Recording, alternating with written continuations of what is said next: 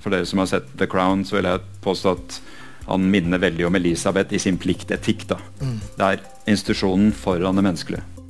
Folkekongen ble Olav 5. kalt. Men hvordan oppsto det bildet vårt av han, og i hvor stor grad er det en konstruksjon? Tore Rem har skrevet en ny biografi om kongen som viser andre sider ved han enn de vi kanskje kjente fra før. Dette er et opptak fra Kapittelfestivalen 2020 på Sølvberget. Intervjuer er Sven Egil Omdal. Tusen takk. Eh, vanligvis så sånne kongelige seanser åpner jo vanligvis med en fanfare. Eh, det får vi ikke til her, men vi kan gjøre noe tilsvarende. Vi kan åpne med et lite utdrag fra boka di, bare for å sette stemningen. Til sist fulgte syklistene. Men lenge før folk kunne se de syklene, fikk de øye på støvskyen. Den innhyllet hele det lange opptoget. Så, da det kom nærmere, klarnet det, og det ble mulig å skjelne de ulike bestanddelene av det imponerende reisefølget. Lengst framme kom to menn med filmkamera. De eh, kinematograferede kongen og alt og alle, og det med den største iherdighet, het det i avisreportasjene. Deretter fulgte kongens egen autoriserte fotograf utrettelig på ferde med sitt apparat. Og etter disse moderne forridere var det hovedpersonenes tur. Kong Haakon og dronning Maud i en bekvem kalesjevogn i front. Deretter kronprins Olav med Nanny i en landauer trukket av tre hester. To andre kalesjevogner hadde plass til en overadjutant og en adjutant, samt Marie Fogner, hoffrøken. Gruppen som kom etter de celebre reisene, består av offentlighetens fremste representanter, pressens eget folk. Herr Øvre Richter Frikk, Aftenpostens redaksjonssekretær, har framskaffet en egen karjol med en glimrende traver for, og Norsk Telegrambyrås direktør står ikke tilbake for sin kollega.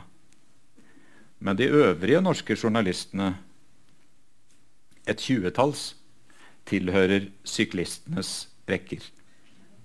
Flere av disse har dessverre måttet gi seg eh, tidlig, ettersom deres maskiner hurtig var gått i stykker. For nabofolket i sør, den nye kongens hjemland, har det gått bedre. Det er bare Berlingske Tidenes korrespondent samt frilanseren Anker Kirkeby som fullfører den krevende sykkelturen fra Otta til Åndalsnes i sommervarmen. De to danskene skal til og med ha satt en smukk syklerekord for strekningen Gudbrandsdalen-Romsdalen. Alle er de på vei mot Nidaros, som på en ny tids pilegrimsferd. De står ved begynnelsen av en epoke i nasjonens historie, der en liten kongefamilie har en rolle å spille. Tett på de kongelige, både foran og bak selve kroningstoget, opererer bevoktningstjenesten. Sikkerhetspolitiets Redvald Larsen og betjent Valdemar Hansen. Også de er på sykkel med øvet blikk for å gjenkjenne monarkiets argeste fiender, anarkistene. Noen ganger i bygdene kan det være mange hundre mennesker å holde øye med. Andre ganger ved gårdene som ligger spredt langs ruten, er det bare en håndfull oppmøte her og der. Det er en av tidens aller største norske mediebegivenheter. Pressen i sin mest energiske profesjonelle aktivitet. Den moderne verden på kort visitt i Gudbrandsdalen. Etter selv å ha malt dem fram konstaterer journalisten at dette er maleriske scener. Kongetoget har noe nær eventyrets glans over seg. Og midt i det hele, i begivenhetenes sentrum, er den lille prins Olav. Fra første stund som importert kronprins i det selvstendige Norge befinner han seg i fokus. Alt han gjør, det minste og det største, skal omfattes med den oppmerksomhet han fortjener. Naturligvis er det ham alle er mest glad for å se, heter det. For ham må alt annet vike, det skinnende nye kongeparet inkludert. Når kongen viser fram den tre år gamle prinsen på sin arm, må bøndene, enten de vil eller ei, rope hurra. Det er som en naturlov. Dette skal bli hans liv. Et liv i all offentlighet. Ja, da er jo scenen virkelig satt, det vil jeg si. Eh, billedlig satt. Eh, kroningstoget eh, på vei til Nidaros. Du ser tilbake på et liv som dekka nesten hele det 20. århundre. Eh, og bare den perioden fra eh, 1905 og fram til 1940 har du jo eh, samla så mye stoff om at det er blitt en, det man kunne si, en voksenbok. Eh, likevel så skriver du innledningsvis at Olav han ødela viktige kilder til kunnskap om dette livet. Du skriver at saneringen som han foretok av historien, er betydelig, og at dette er et stort tap. Og da må vi tro at det er et stort tap for oss. Um, jeg har lyst til å spørre deg innledningsvis um, På hvilken måte er det et stort tap, og hvorfor tror du at han sanerte historien om seg sjøl? Jeg skal gi et eksempel. Hvis man drar til, uh, som jeg har gjort, drar til uh, The Royal Archives uh, på slottet i Windsor og setter seg i det runde tårn der, hvis man får lov, så finner man atskillig korrespondanse fra de norske kongelige, hvor de skriver til sine slektninger, nære slektninger, familie. Så blant annet så er det fine, viktige korrespondanser den ene veien. da, Fra Olav til sin onkel, som er konge og til to fettere som begge blir konger. Men hvis du så reiser tilbake igjen til Oslo og banker på Slottets dør og spør om du får komme inn i arkivet der, så det, finnes ikke gjenpartene. Så øh, det er rett og slett øh, Det som slo meg veldig tidlig, var at det kom til å bli ordentlig vanskelig å komme innpå denne mannen. Mm -hmm. uh, og um, det er litt tilbake til det dere hørte nå først. altså fra begynnelsen av så jeg tenkte jeg, skal jeg skrive en biografi som bare handler om hans liv i offentligheten. Det er interessant. Mm -hmm. altså, ok, Hvordan ble han konstruert? Det er fremdeles en del, viktig del av prosjektet. altså Hvordan lagde vi oss et bilde av Olav? Så Det kan man jo følge gjennom pressen og gjennom mediene. og sånt. Men det å komme innpå det å finne et jeg, det syns jeg til å begynne med så veldig vanskelig ut. Så heldigvis litt etter litt så kommer jeg over stoff som gjør at jeg likevel tror at jeg innimellom kan komme inn på hvem han var som menneske også. Men altså Man må kunne ha respekt for at uh, intime familieting og sånn blir ødelagt, men jeg tror det er veldig mye annet som har blitt ødelagt også. Han var uh, litt for glad i fyrstikker, mm. rett og slett. Uh, og det var en del folk rundt han også. Så da, ikke altså, ja, ok, du vet at han har vært Jeg, jeg kunne godt tenkt meg å sett brevene fra Haile Selassie.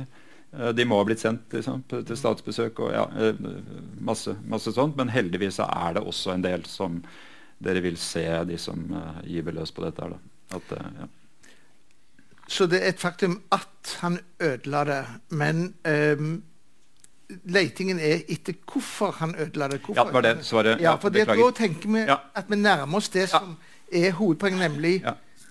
Snakker vi om to mennesker her, to, altså to mennesker i en person, hvor eh, dette jeget egentlig vil ønske å være skjult for ettertiden? Mm.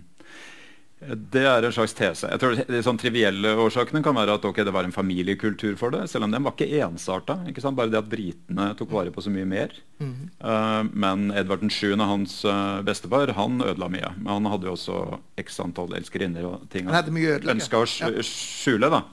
Uh, men, uh, men, Olav, det kan også ha vært en viss blyghet over dysleksien og hvordan hans brev ser ut. Det er en mm. mulighet. Han var ikke komfortabel med at dette skulle bevares.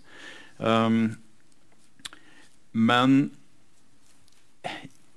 i et rart, en rart, rar liten boks på Slottet i Olavs privatarkiv så fant jeg en, det jeg syns var en morsomhet. Da, som jeg holdt på Hadde jeg hatt et mer medgjørlig forlag, så hadde jeg fått lov til å kalle boka It.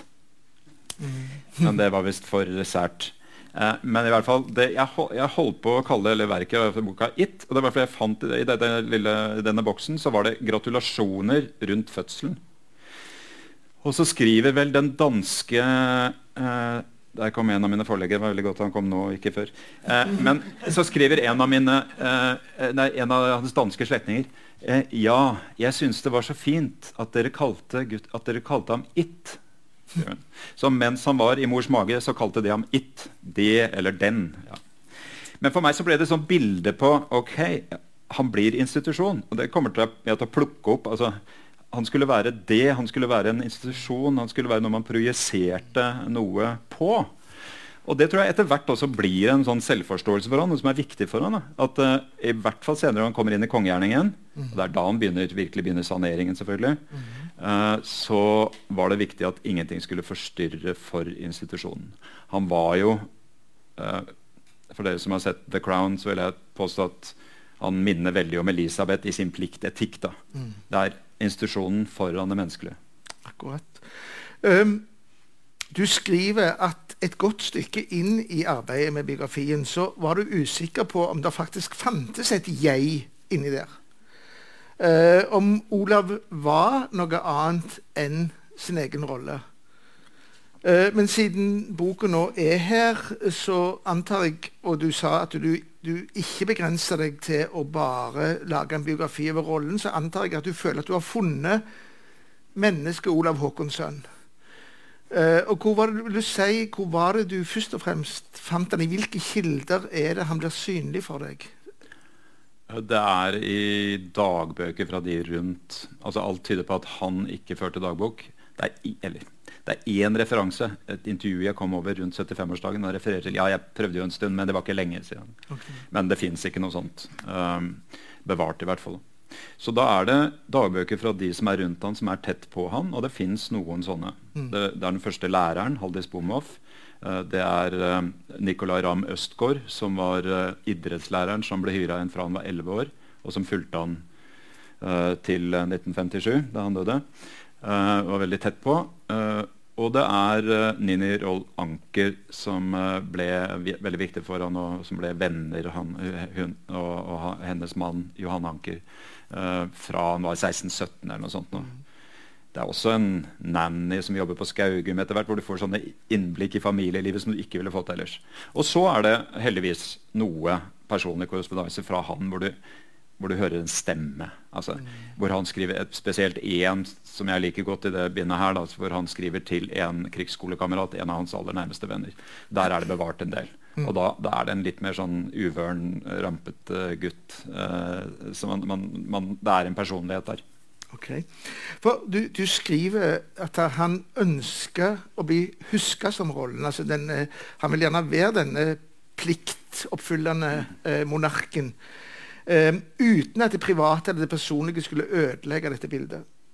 Er det da problematisk, syns du, som biograf å bryte med hans ønske om å bli huska som rollen?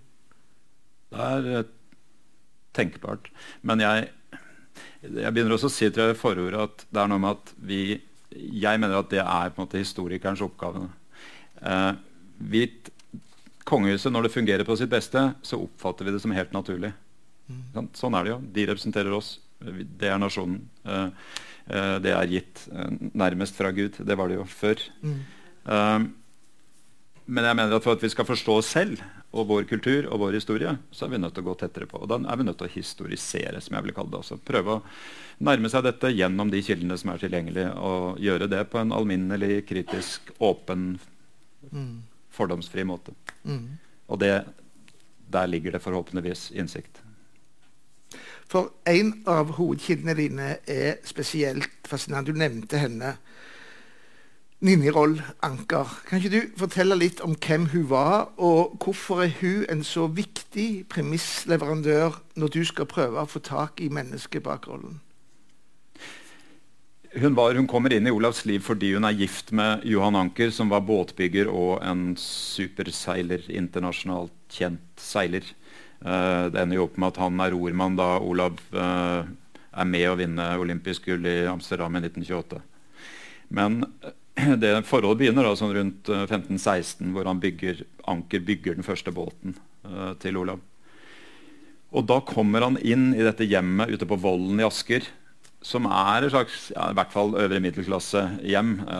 Anker kommer fra Rød herregård ved Halden, den Anker-slekta der. Og Ninni kommer fra lignende miljø. Hun har faktisk vært gift med hans fetter. er skilt fra, det, Dette sier også noe om hva slags person hun er. Skilt fra, eh, fra denne fetteren og, og, har blitt gift med Johan Anker. Hun er forfatter, hun er feminist, hun er radikaler politisk, og hun er til og med republikaner. Eh, ja Jeg holdt på å si liv og lære, men det er, ikke, det, det, er det som er det vakre, da, syns jeg. Fordi når man har jobba litt med kongelige, så skjønner man at det er ikke, det er ikke 100% av kildene som er helt ærlige i beskrivelsene av hvem disse menneskene er og var. Eh, så det, det Nino Rolanker tilbyr spør meg, av de dagbøkene, er at hun er et menneske som er, hun er glad i han. Hun følger han fra eh, 15-årsalderen og fram til krigen. Til de blir atskilt og hun dør eh, et par år inn i krigen.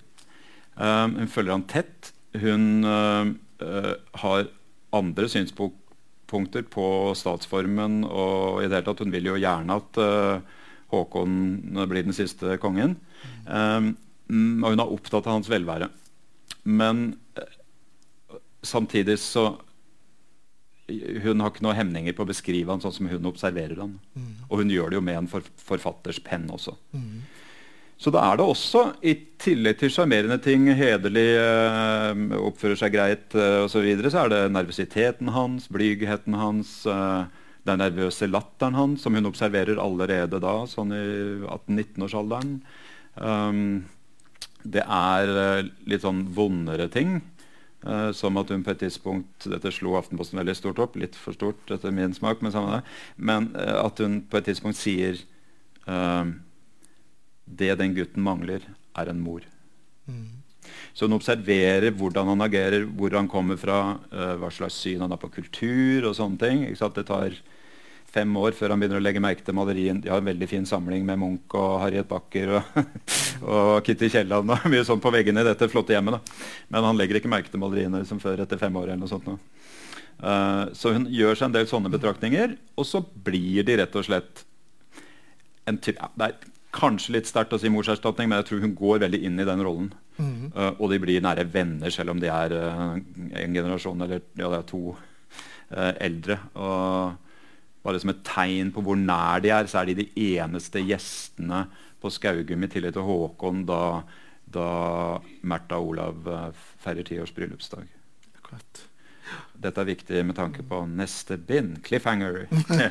Nei, for da, da det, befinner vi oss i Nord-Norge i krigen, og Johan Anker kommer opp for å overtale de kongelige til å bli igjen. Ja. I, i Olavs eh, barndom så trer det øyeblikkelig fram noe som blir helt spesielt, nemlig at han tar opp de norske dyder. Han går på ski. Etter hvert så hopper han på ski. Han faller og faller, men han hopper videre. Og, og hopper til slutt i Holmenkollen, så han blir et symbol i symbolet, på en måte. Mm, mm. Og dette at han blir så norsk det fører da til at nasjonen som du beskriver, det, de jubler over at de har fått denne norske prinsen. Parallelt med dette så jobber altså hans mor iherdisk for at han skal være så engelsk som mulig. Det er riktig beskrevet. Hun vil at han skal være engelsk. Hvordan gjør hun det? Hvordan er det hun um, holder fast ved sin egen engelskhet og overfører det til sin mm, sønn? Altså for det første snakker de jo engelsk hjemme, så engelsk er hjemmespråket hans. De snakker ikke dansk, for jeg er redd for at dansken skal forstyrre norsken. um, uh, hun uh, får en avtale altså Hun er helt vesentlig og en utrolig fascinerende skikkelse her, syns jeg. Da, men, uh, er fordi, hun er jo helt vesentlig også sånn stormaktspolitisk. Grunnen til at det er de som blir valgt, er egentlig Maud. Fordi hun er yngste datter til kongen av England. Og Norge trenger en stormaktsalliert, en garantist, uh, for uavhengighet. Så, men hun lager seg sitt eget lille England, vil jeg si. Uh, på, ikke minst på kongsgården. Uh, hun har hage, hun har hunder og hester. Hun henter over folk fra England som jobber med dyra. Stallmestere og alt sånt. Um, og lager seg sin lille ja, kunne, Det er fristende å si lekeverden. og der er det en sønn også. Uh, og I tillegg så tar hun ham med seg til England tre-fire måneder i året mm. helt fram til verdenskrigen, første verdenskrigen bryter av i noen år, og så tilbake igjen. Så England er ekstremt viktig. Hun hadde det med seg i kontrakten sin da hun ble dronning, at hun skulle få lov til å tilbringe store deler av året i England. Mm. Du kjenner jo det engelske samfunnet fra innsida, men kanskje ikke heller du kjenner de kongelige gemakker og slott så godt som en bør. Um, Hva er det du antyder? Nei, nei, Jeg vet ikke hva slags omgangskrets du hadde. Nå prøver jeg på jakt etter mennesket bak professoren her, som du skjønner. Men, men ta oss med til England og, og gi oss en liten skisse av de forholdene som, som, som Olav beveger seg i når han er eh, i det som nesten er hans andre hjemland. Ja, det vil jeg bare si først. Altså, der han befinner seg, det er i det store hele på Sandringham, som er et enormt gods i Norfolk, eh, som Edvard 7. skaffa seg. Um, og det er et sted eh, Nå står det stille hvor mange titusener mål det er. Det er helt gigantisk. Eh, de bedriver jakt i Eninga. Det var jo da både hans bestefars og hans onkels største hobby. Frimerker og jakt. Eh, men, og jakt, da snakker vi at de, dette er noe, de skjøt ofte sånn 2000-3000 fasaner på en dag når de var ute og jakta. Altså, det er helt enorme proporsjoner over dette stedet og, og, hvordan de driver på. Og de hadde et sted mellom det varierte jo med åra, men mellom 400 og 600 tjenere. Sånn, der var denne gutten mm. med sin engelske familie midtpunktet i den tilværelsen. Mm. Og det som interesserer meg, er jo ok, hvor lang den reisen var. da. Derfra og til å bli folkekongen og sosialdemokrat demokratiets bestepappa. Mm. Men jeg har én, så jeg tenkte jeg skulle lese bitte lite grann fra noe som jeg sa veldig kort her på radio for dagen, men, men dere skal få høre at det bare er en veldig annerledes prins. Bare som dere liksom får noe å tenke med. Um, som ikke er en scene fra Sandringa. Det er nydelige scener fra julefeiringer. og sånt der, Men jeg skal ta denne her, som handler om en, som altså en ny kilde. En detektiv som het Fitch, som pleide å ta, passe på han. Um, når, de, når, han var, London, var, i London da han var på Sandringham på besøk, så fikk han noen turer til London. Så tok denne detektiven, politimannen, han med seg rundt, og han skrev noen erindringer senere. Um, ene tingen de gjør, er at de går og ser på vaktskiftet i Whitehall. Så går de i Westminster-katedralen og ser på uh, avstøpningen av hans forfedre. uh, når han står på en av plattformene i undergrunnen. og her, uh, ja, det, så, så, skal han ha vært veldig nysgjerrig. da og utbrutt Jeg skulle elsket å se dem i deres kontorer og hjem. Disse menneskene ute i samfunnet. Men han, eh, denne detektiven beskriver en prins som er en stille, observant liten kar, kledd som så hør og bør i tweed. Og så kommer det. De to endte opp med å tilbringe mange timer ved London Bridge. Her skal den norske prinsen ha yndet å følge med på skipstrafikken. Han likte å observere de små gateguttene The Cockney Lads, som badet i Themsen fra tidlig til sent. En dag så han at en forbipasserende kastet en mynt til dem, og at de dykket som måker etter en brødsmule. Denne underholdningen appellerte sterkt til ham. Han kastet begeistret en hel half a crown av sølv uti, og en slik kolossal sum skapte kaos der nede i dypet. Siden den dag var han en ren helt for disse røvergutter som holdt til nede i muddervannet ved London Bridge, het det i et norsk referat fra Fitches erindringer i 1936.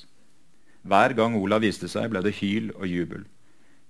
Prinsen var seg sin posisjon bevisst og fortsatte med å kaste fyrstelige summer ut til de små røvere. De var tross alt ikke vant til å dukke etter mer enn halvpennymynter.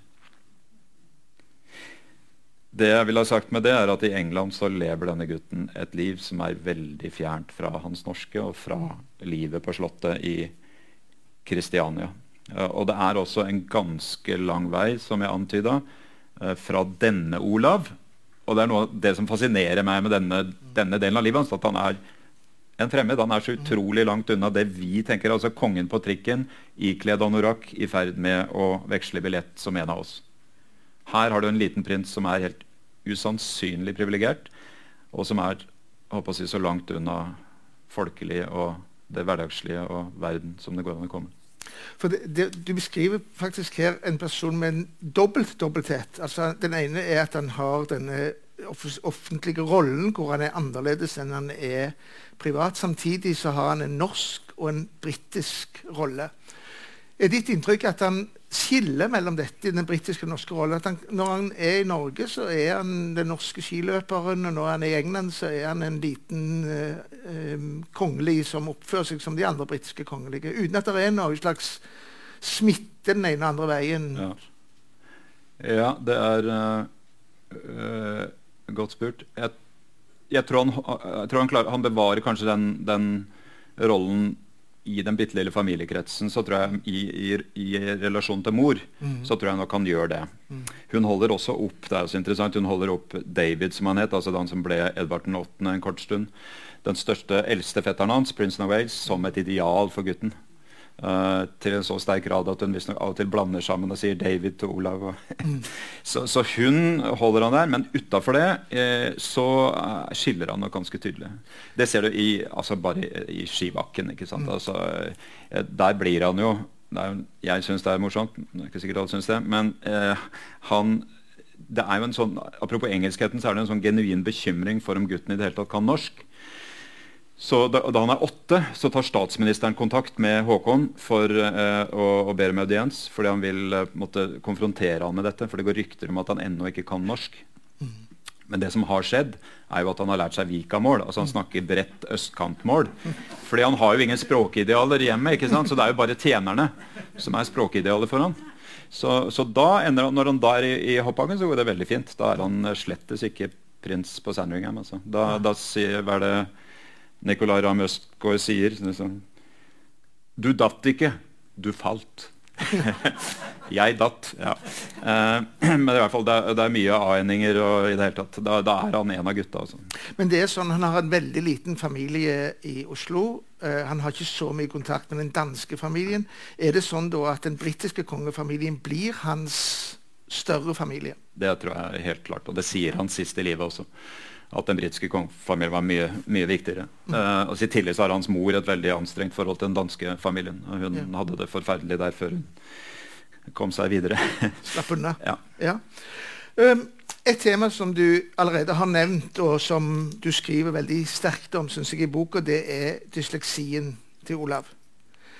Kan du si litt om hvordan påvirkte de eh, lese- og skrivevanskene han hadde, det slik livet hans blei.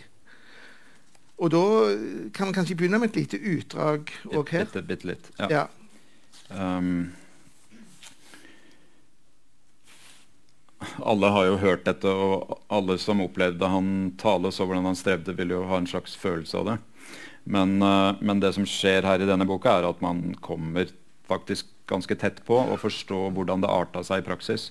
Og det gjelder et materiale fra hans første skoleår og det gjelder under studiene i Oxford, hvor jeg til, fikk tilgang til lærerrapportene der. Men jeg skal bare ta det fra, fra denne første læreren, uh, Haldis Bomhoff.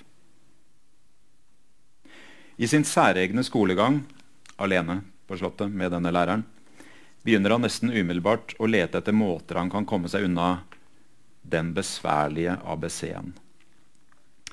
I Haldis Bomhoffs subtile understatement er det ikke alltid at hennes eneste elev er som de beste i klassen. Snart har hun blitt oppmerksom på utfordringene. Bare etter et par måneder finner hun det utrolig hvor mange dypsindigheter han utklekker for å forhale det besværlige øyeblikk da lesningen skal begynne. Alle slags teknikker tas i bruk for å gjøre undervisningen levende. De personifiserer A og U er to gode venner som hyler au når noen vil skille dem av. Bomhoff videreutvikler sin spesialtilpassede skipedagogikk. Når det går trått med lesningen, sier vi at vi er på skitur i varmegrader. Det klabber. Da gjelder det å smøre skiene og prøve om igjen. Ofte synes det å gå elendig. Lesningen er fremdeles det svake punkt, sukker læreren. En stund er hun betinget optimist. I det hele liker han å lese nå det er skrivningen som er det sorte får. Der er hun til gjengjeld rådløs og griper til nye skimetaforer. Gud vet hva jeg skal finne på for å få den til å gli. Etter et halvt års skolegang har det begynt med karakterbok og blekk. Kongen har iverksatt insentivordninger. Sjuåringen får ti øre hvis han ikke får en eneste toer i løpet av uken. Guttens engstelse kan være stor når han forstår at han ligger dårlig an, bemerker Bomhoff. Kongens bevis for at han av og til evner å være streng med sønnen, er i beste fall originalt. Den kongelige metoden baserer seg på straff for uønsket oppførsel. Håkon roser seg av at han sitter med en blyant og dunker gutten i hodet når han leser feil. Da Olav siden så tilbake på farens pedagogiske regime, mente han at kongen nøyde seg med å være en slags overvåker. Så har hans lærer en dag bestemt seg for at hun ikke vil forbli frøken, hun vil gifte seg, og dermed bør lærergjerningen i pakt med tidens kjønnsroller snart avsluttes. Familie venter. Da hun leverer ham videre til neste lærer, konstaterer Bomhoff at Olav ville vært blant de svakere i lesing og skriving hadde han gått i vanlig skole. Han gjør også fremdeles hva han kan for å omgå problemet. Etter sommerferien kan han stolt rapportere at i brev til henne ikke et ord har jeg skrevet, og ikke et ord har jeg lest, unntatt ditt brev. En elev som kronprins Olav fikk selvsagt tett oppfølging og ble i stor grad møtt med forståelse. Samtidig ville det vært underlig om han, gitt tidens generelt manglende forståelse eh, av og for fenomenet dysleksi, ikke utviklet komplekser og en grad av skamfølelse pga. sitt handikap. Om det ikke på noe vis skulle komme til å prege ham. Han vokste jo opp i en tid hvor eh, dyslektikere ble oppfatta som mindre begava. Eh, som at de var sinker. Um, det må jo ha satt psykologiske spor selv hos en så privilegert gutt som han. Når, når, han satser på en måte hele tida si på idrett, først på ski og skihopp og etter hvert på seiling, og han blir olympisk mester i seiling, Opplever du det som en flukt fra bøkene, eller tenker du at det hele miljøet han vokste opp i, var ikke spesielt intellektuelt? Du har en replikk ja, fra kong ja, Haakon. Ja, ja, ja. ja jeg, jeg, har en replikk fra kong Haakon som vi nevnte ute litt før. Um, som jeg syns er morsom. Hvor han uh, er på vei ned om å åpne et, et eller annet på Nasjonalbiblioteket. Så sier han til adjutanten ja, nå får, vi, nå får vi ned og late som vi er interessert i bøker. Det er klart det var ikke noe intellektuelt hjem. Det og det hadde de felles med den engelske familien. Mm. Det var virkelig nest, nærmest antiintellektuelt. Altså. mm. um, etter hvert så vet vi at Håkon leste en del, sånn, men, men, i utgangspunktet så var det ikke veldig mye stimuli på den siden. Men samtidig så hadde du dette Prosjekt Norskhet som jeg snakker om, som jo var et insentiv. da. Så, så, det er klart Hvis han fikk valget mellom han skulle sitte og streve med å lese og skrive, eller om han var ute i skiløypa, så visste han nok hva han valgte. Mm. Og det, det, var jo en type beskjed de fikk fra Nansen med en gang. ikke sant? Gjør gutten til skiløper. Eller, ja. eh, eller eh, enda en mer interessant, syns jeg. for det, det handler både om strategi, på den ene siden, som er, det er bevisste ting de gjør for å få til dette. Men det handler også, som du hinta til i begynnelsen, om folkets lengsler etter at gutten skal bli norsk. Mm. Så jeg synes det er morsomt jeg skulle ønske at Det er en rikt illustrert bok. Det er helt mm. fantastisk bildemateriale her, som også har fått tilgang til for første gang fra Slottet. Uh, men uh, det finnes også veldig mange fine postkort.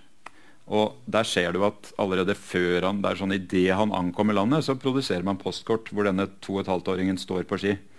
Han har ikke rukket å gjøre det i virkeligheten, men uh, vi vil at han skal bli norsk. er vel det man kan si det. Så det er en sånn veldig sterk lengsel. Ja, for det er interessant, for du, du, nevnte jo bare så vidt, og det er kanskje viktig å ha med seg at den som lærer familien å bli nordmenn, er Fridtjof Nansen.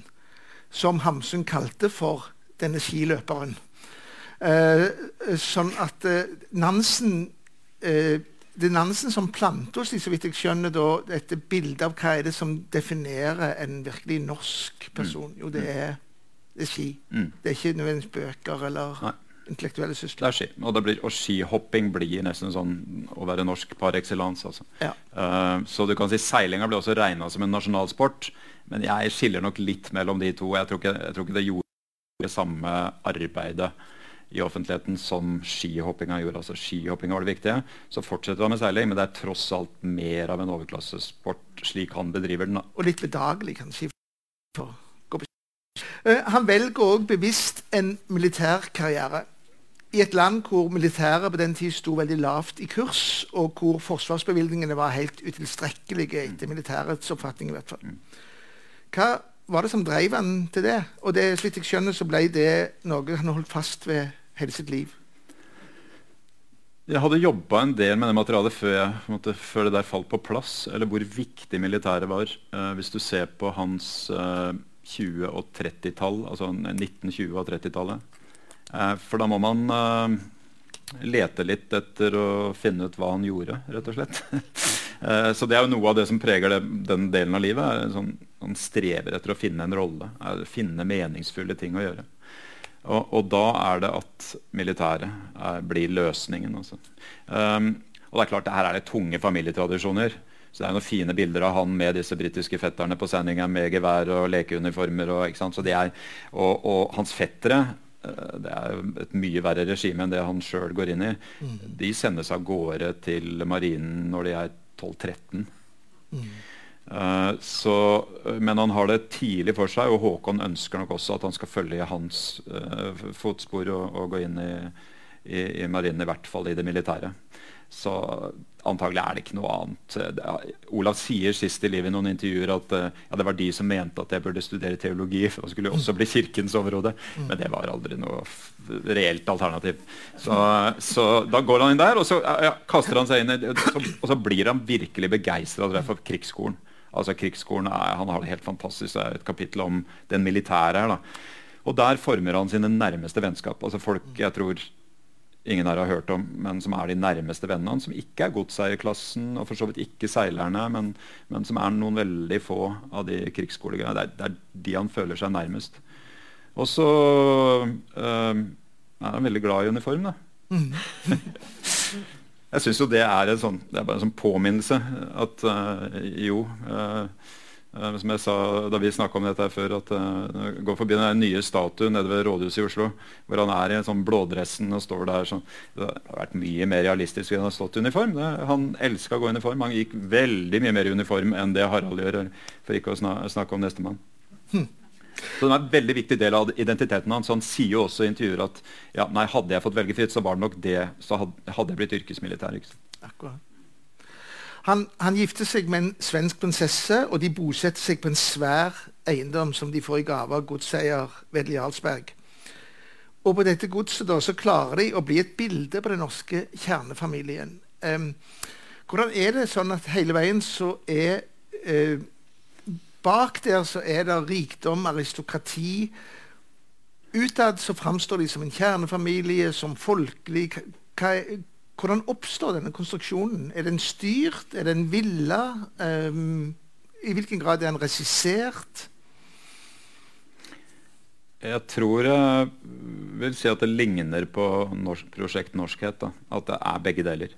Men uh, fordi man ser at å si, Når Märtha blir rekruttert, de første intervjuene med henne, så er det en enorm betoning av at hun er en hjemmets kvinne. Hun er en hjemmets kvinne. Hun, er, hun, har alle ferdigheter som skal til for å være husmor. Mm. Det er klart I praksis så slapp hun ganske greit unna husmorpliktene. Selv om hun du likte å være litt engasjert og følge med på menyen. og alt sånt. Uh, men det ble, det, allerede da så er det sånn kjempesterk betoning av det. Og der er det en tradisjon i europeiske konger så helt fra uh, slutten av 1800 ja, faktisk er det dronning Victoria som har fantastiske malerier av henne omgitt av barna. Det er liksom de første sånn, forsøkene på å vise at kongefamilien er middelklasse. Altså, kongefamilien er som oss. Og det blir viktig for måten folket forholder seg til dem på.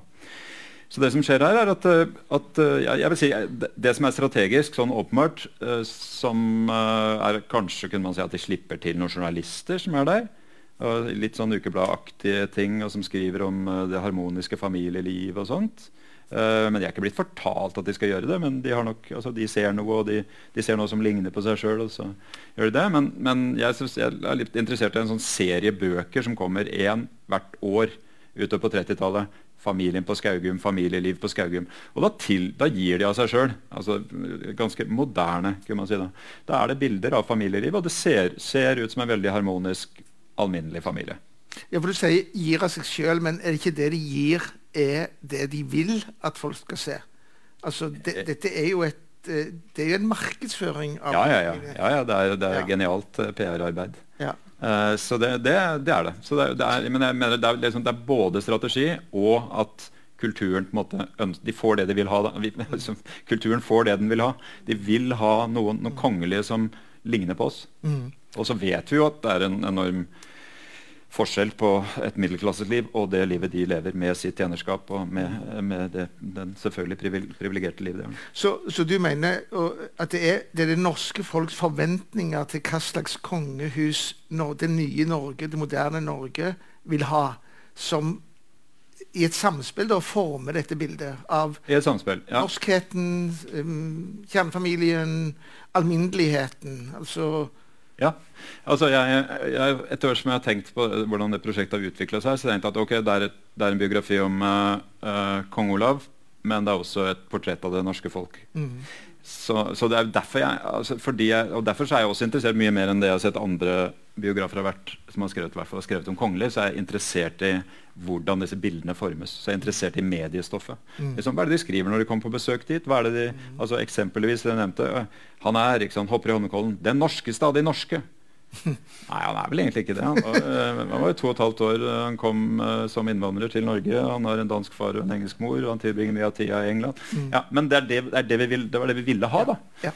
Uh, og derfor så blir det et bilde av, av, et bilde av hvem vi var, og mm. hva vi ønska at de skulle være. Altså gjennom, det, det, tror jeg er noe som måte avtegner seg i, i, stoffet. Så blir han voksen i en av de mest turbulente politiske periodene i moderne norsk historie. Han, han eh, På 30-åra så overtar da Arbeiderpartiet, et parti med en klar republikansk eh, holdning, makta. Eh, fascismen blomstrer opp i Norge. Uh, iblant I de fascistiske miljøene så er mange altså Der er militæroffiserene uh, til stede der her skal Olav orientere seg politisk. Han er i en periode hvor kongehuset kanskje er mye mer engasjert. Hans far eh, var mye mer politisk aktivistisk enn en senere norske konger har vært. Så kan du beskrive dette miljøet 30-tallet? Vi, vi, får plutselig regjeringen Nygaardsvold. Vi får eh, fascismen i Europa. Det, det bygger seg opp mot krig. Hvor er Olav i dette? Jeg tror å si at han er nok eh, veldig engstelig. Det, jeg, det, er noen av de øyeblikkene man kommer innpå han, er også gjennom Nili Roald Anker ute på viktige valg. Hvor hun beskriver hvordan kronprinsfamilien sitter ute og er redd for at nå blir det Arbeiderpartiet flertall. Og nå mm. kan de komme til å bli kibba ut. Mm. Og Det er en genuin frykt, som også er der liksom, fra 20-tallet og framover. Eh, men det varer ganske lenge. Eh, jeg syns det er veldig vanskelig å avlese sånn helt sånn tydelige politiske holdninger hos han.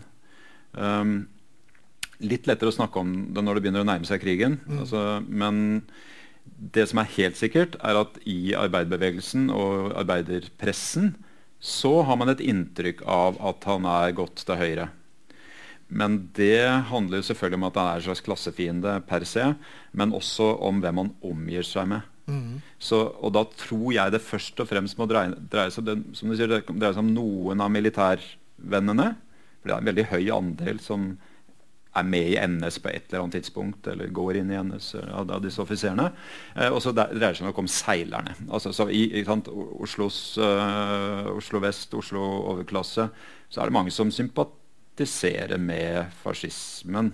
Mm. Først litt mer Mussolini enn uh, mm. en Hitler, men også veldig sterke sympatier for uh, forståelse for Tyskland. Da.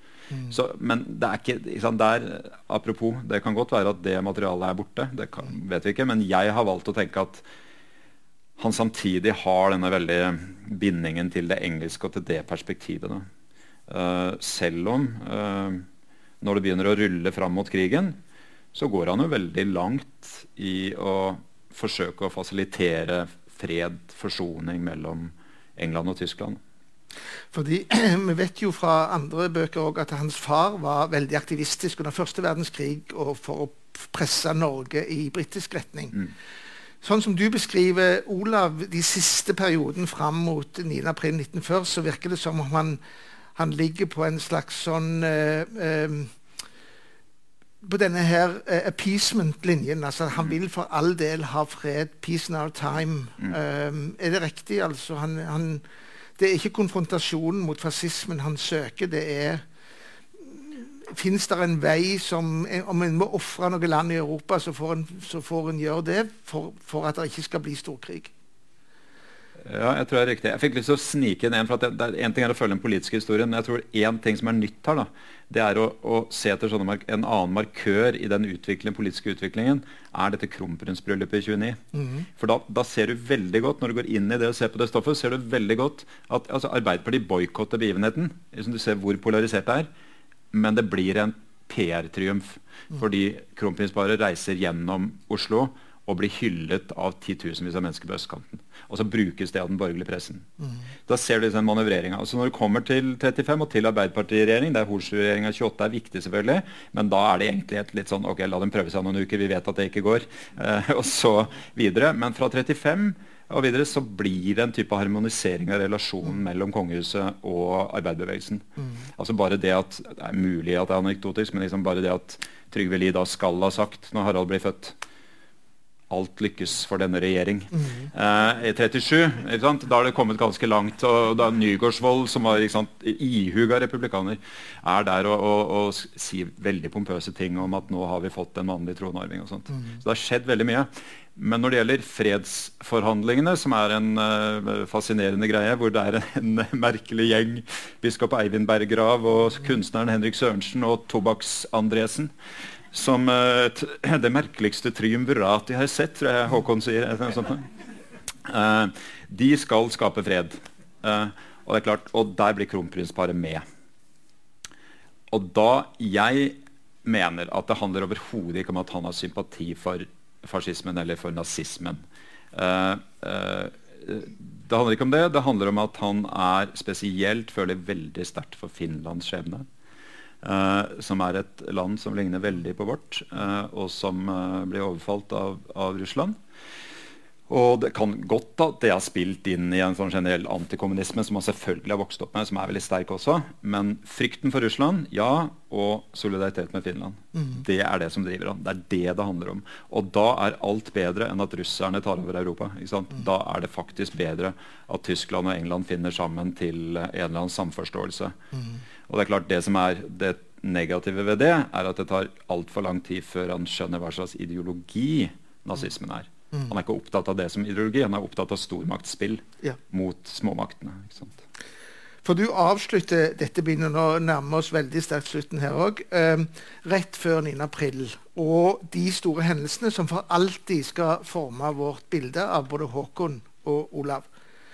Eh, hva i hele historien deres, og spesielt Olavs historie fram til 1940, mener du er det som gjør de forberedt til å handle som de gjorde når krisen kom?